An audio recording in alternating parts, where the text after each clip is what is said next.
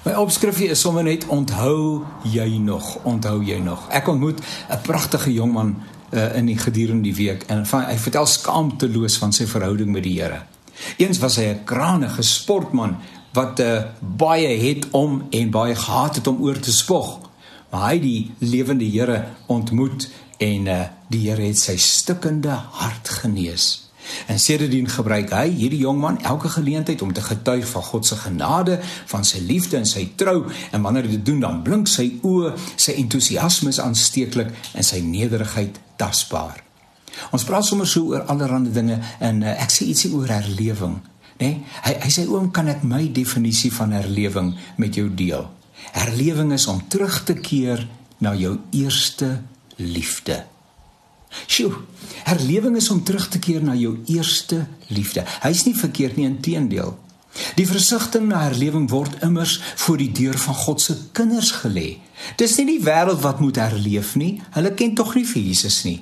Hulle moet tot lewe kom, maar ons as sy kinders het nodig om te herleef. Ons moet weer aan die brand gesteek word. Dis ons, die kerk gelowiges, soos wat die skrywer in 1 Korintiërs of 1 Kronieke 13 sê, nê? Nee, is baie bekend, nê? Nee, maar so pynlik waar en pynlik eerlik. As my volk oor wie my naam uitgeroep is. Julle en ek en jy is deel van daardie volk. Ons moet ons eie harte maar deur deur in tyd onder leiding van die Heilige Gees ondersoek. Ek luister aandagtig na die mooi seën. Die heerlikheid van die Here is tasbaar teenwoordig en dit omhul die gesprek. Dit was soos 'n Moses die gloed van die ontmoeting sommer baie baie lank koester. En ek dink terug oor my lewe en toe ek sy ouderdom was. My ontmoeting met die Here lê ver terug, dalk joune ook. Ek onthou nog die omstandighede. Ek onthou die heiligheid van die oomblik, die honger na God wat losgekom het. En ek herroep hoe ek vir almal wou vertel, nie altyd met sensitiwiteit nie, ook nie altyd met deernis nie, soms arrogant en aanmatiging, maar nou dat ek Jesus leer ken het, is almal natuurlik op die verkeerde pad. Ek weet nie of jy ook so was nie, nê?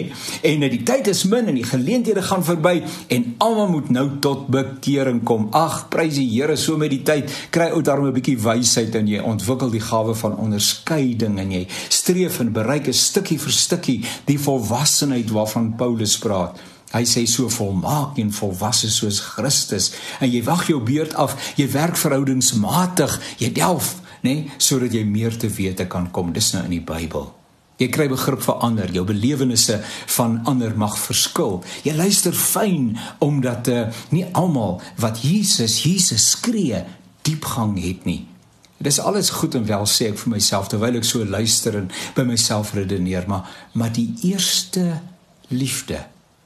Is ek nog daar? Is jy nog daar? Iemand praat van 'n tweede naïwiteit. En naïwiteit is om soos 'n kind te glo, onvoorwaardelik en opreg. Ek ek ek soek weer na daardie tweede naïwiteit. Dit beteken nie ondeurdag of vlak nie. Goeie teologie is nodig, maar baie nodig in ons tyd is die liefde.